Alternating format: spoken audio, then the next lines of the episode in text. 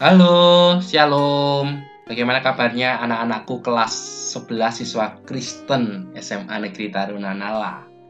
Semoga selalu sehat ya dan bahagia terus. Lewat podcast, hari ini kita mau masuk di pembahasan bab 14 dengan tema remaja dan cita-citanya. Nah, ngomongin mengenai cita-cita, setiap orang pasti punya cita-cita atau harapan yang ingin dia capai dalam kehidupannya kelak. Bahkan anak kecil pun kalau ditanya, dia sudah dapat menyebutkan apa cita-cita yang ingin dia capai ketika dia dewasa. Apakah kalian masih ingat cita-cita kalian waktu kalian masih kecil? Nah, pertanyaannya adalah, apakah cita-citamu sekarang? Apakah masih sama seperti ketika kalian masih kecil ataukah sudah berubah? Saat saya masih kecil, saya punya cita-cita untuk menjadi seorang tentara, namun berubah setiap tahunnya ya namanya anak kecil. Kadang-kala ingin jadi dokter, jadi presiden, jadi astronot, dan lain sebagainya. Namun saya mulai tahu cita-cita saya secara jelas saat menginjak kelas 3 SMP dan diperkuat saat saya masuk di jenjang SMA, yaitu menjadi guru agama. Nah, Mengapa saya terpanggil menjadi guru agama? Saya terpanggil untuk menjadi seorang guru agama Kristen adalah karena saya merasakan bahwa sering kali banyak sekolah yang nggak punya guru agama dan kalaupun ada, guru agama yang mengampu tidak memiliki kompetensi yang seharusnya dimiliki. Taruhlah, karena di sekolah itu nggak ada guru agamanya, dilihat ada guru yang beragama Kristen, lalu ditawari untuk menjadi guru agama begitu. Jadi akhirnya dia yang bukan kompetensinya di, jadi guru agama lalu akhirnya jadi guru agama meskipun dia tidak memiliki background sekolah Alkitab begitu. Nah bagaimana dengan kalian?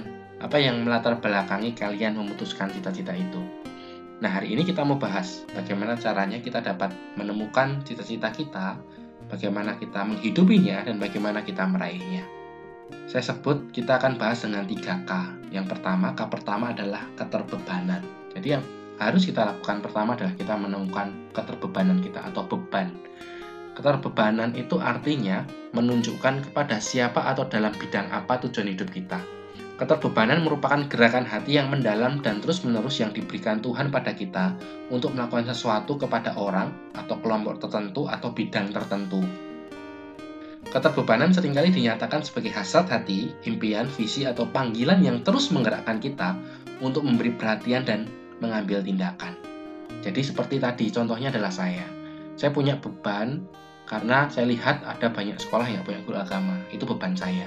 Nah, teman-teman kalau ingin punya cita-cita yang benar, teman-teman harus tahu pertama keterbebanan kalian tuh dalam hal apa, dalam bidang apa. Mungkin kalian bisa lihat keadaan sekitar kalian Contoh, kalau ada orang yang pengen punya cita-cita menjadi seorang dokter, dia lihat bebannya adalah dia pengen menolong orang-orang yang nggak punya akses dalam hal kesehatan. Jadi dokter yang menolong orang-orang yang miskin. Jadi dia bebannya seperti itu. Nah, saya pengen kalian temukan dulu keterbebanan kalian itu apa, beban kalian. Nah, lalu yang kedua, K yang kedua adalah kemampuan. Bukan hanya kita punya keterbebanan, tapi kita juga harus menemukan kemampuan kita. Nah, perlu kalian tahu, Tuhan membentuk makhluk ciptaannya dengan suatu bidang kemampuan khusus. Masing-masing memiliki peran unik berdasarkan rancangan Tuhan bagi mereka.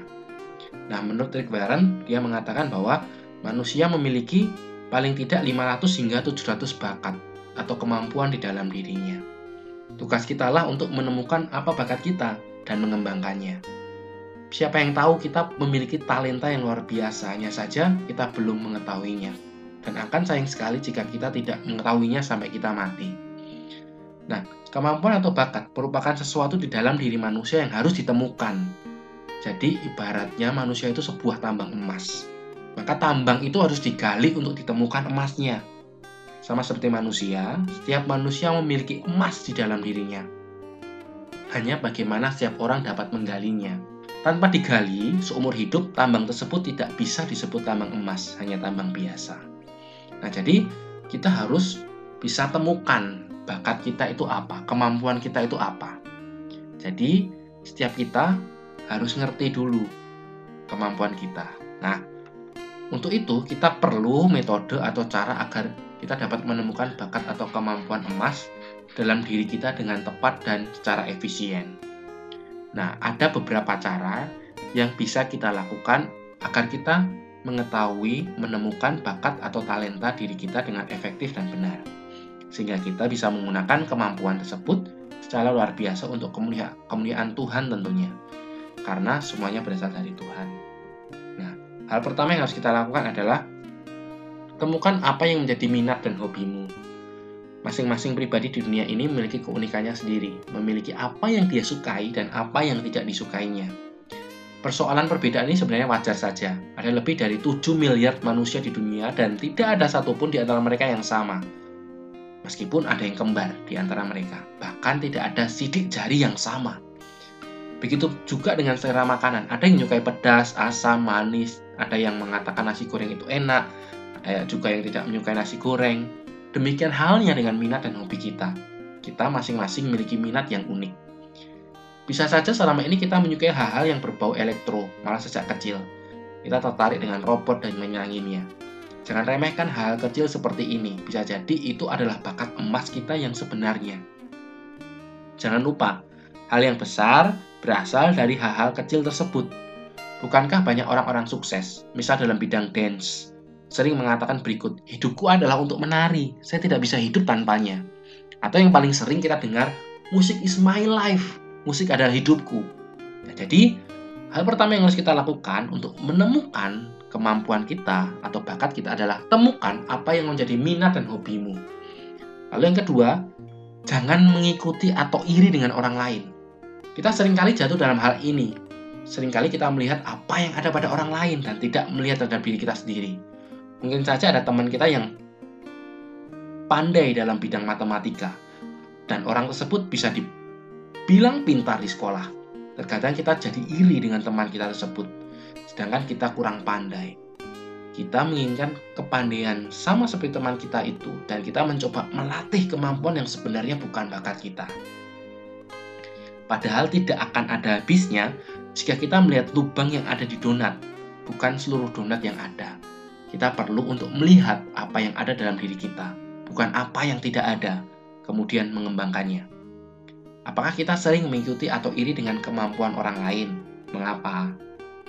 Nah, jadi hal yang kedua yang harus kita lakukan adalah jangan mengikuti atau iri dengan orang lain.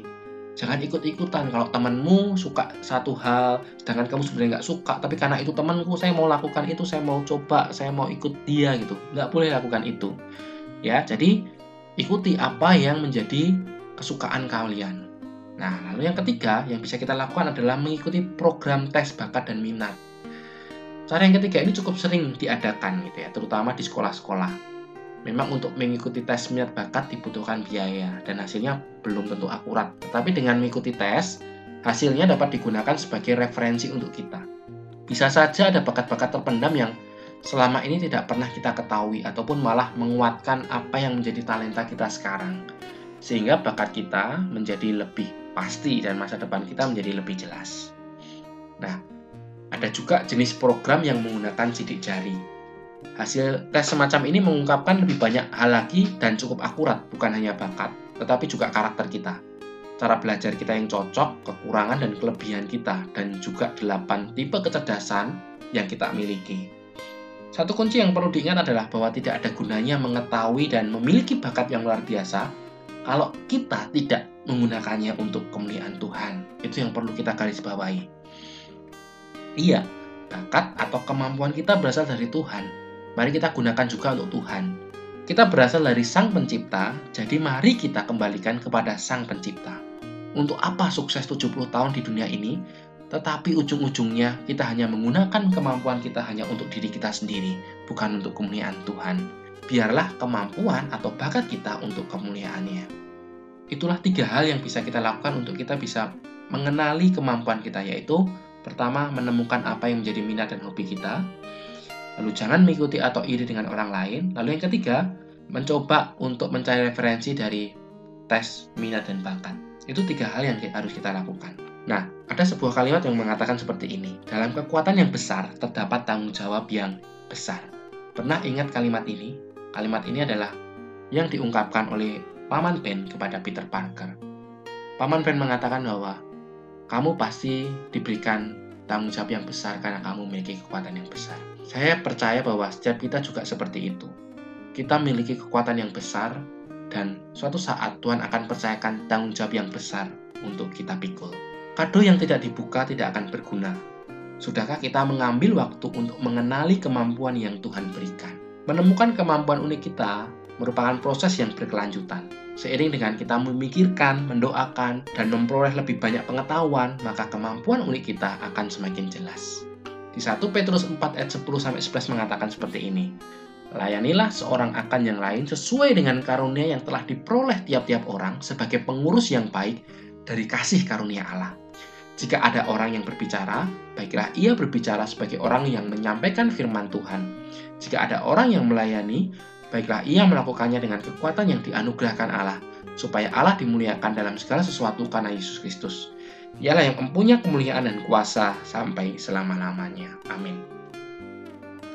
Itu adalah hal yang kedua yang kita harus lakukan. Jadi kita harus clear mengenai keterbebanan kita apa. Yang pertama, lalu yang kedua adalah kemampuan. Lalu yang ketiga, yaitu adalah kita harus mengenal kepribadian. Tiap orang memiliki kepribadian yang berbeda-beda. Ada banyak pakar, ilmuwan yang membagi kepribadian manusia dengan cara yang berbeda-beda. Tapi setidaknya hari ini saya mau bahas mengenai empat tipe kepribadian dalam sebuah tim.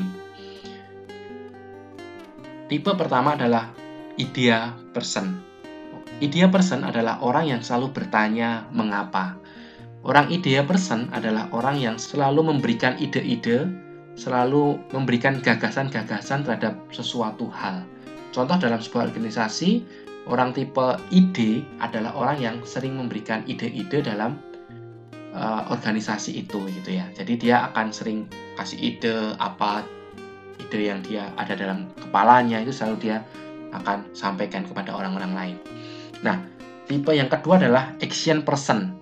Action person itu di isi kepalanya adalah orang yang selalu bertanya apa. Jadi, dia itu selalu tanya apa yang akan aku lakukan. Jadi, dia adalah orang yang selalu berorientasi pada tindakan dan pelaksanaan. Nah, lalu tipe yang ketiga adalah proses person. Proses person ini adalah orang yang selalu bertanya bagaimana. Jadi orang proses adalah orang yang selalu mengelola sesuatu atau dia memerlukan keteraturan. Nah, orang yang keempat, tipe orang yang keempat adalah people person. Orang yang tipe people person adalah orang yang selalu bertanya siapa. Dia adalah orang yang akan cocok dengan pekerjaan di mana ber berelasi dengan orang lain. Nah, jadi ini adalah tipe-tipe kepribadian. Teman-teman harus mengenal kepribadian kalian masing-masing. Setiap orang saya rasa berbeda satu dengan yang lainnya. Apakah kalian termasuk orang ide, orang action, orang proses, atau orang people? Nah, jadi kita harus temukan kira-kira kalian lebih condong ke arah yang mana. Hal yang ketiga yang menjadi tugas untuk kita lakukan adalah mengenali diri kita mengenali diri kita bukanlah proses yang singkat, melainkan proses yang memerlukan waktu yang lama. Jadi, untuk mengenal pribadi kita masing-masing aja, itu butuh waktu yang lama. Semakin hari, kita akan mengenal diri kita. Nah, teman-teman, hari ini kita sudah belajar mengenai cita-cita kita, mengenai cita-cita yang Tuhan sudah berikan kepada kita. Di Amsal pasal 23 ayat 18 mengatakan, karena masa depan sungguh ada dan harapanmu tidak akan hilang. Jadi dikatakan bahwa Tuhan sudah memberikan jaminan bahwa masa depan kita sungguh ada dan harapan kita tidak akan hilang. Oke, saya akhiri podcast materi pembelajaran PAK kelas 11 tema remaja dan cita-cita. Berikan komen di kolom section tentang apa pelajaran yang hari ini kalian pelajari. Terima kasih, Tuhan Yesus berkati.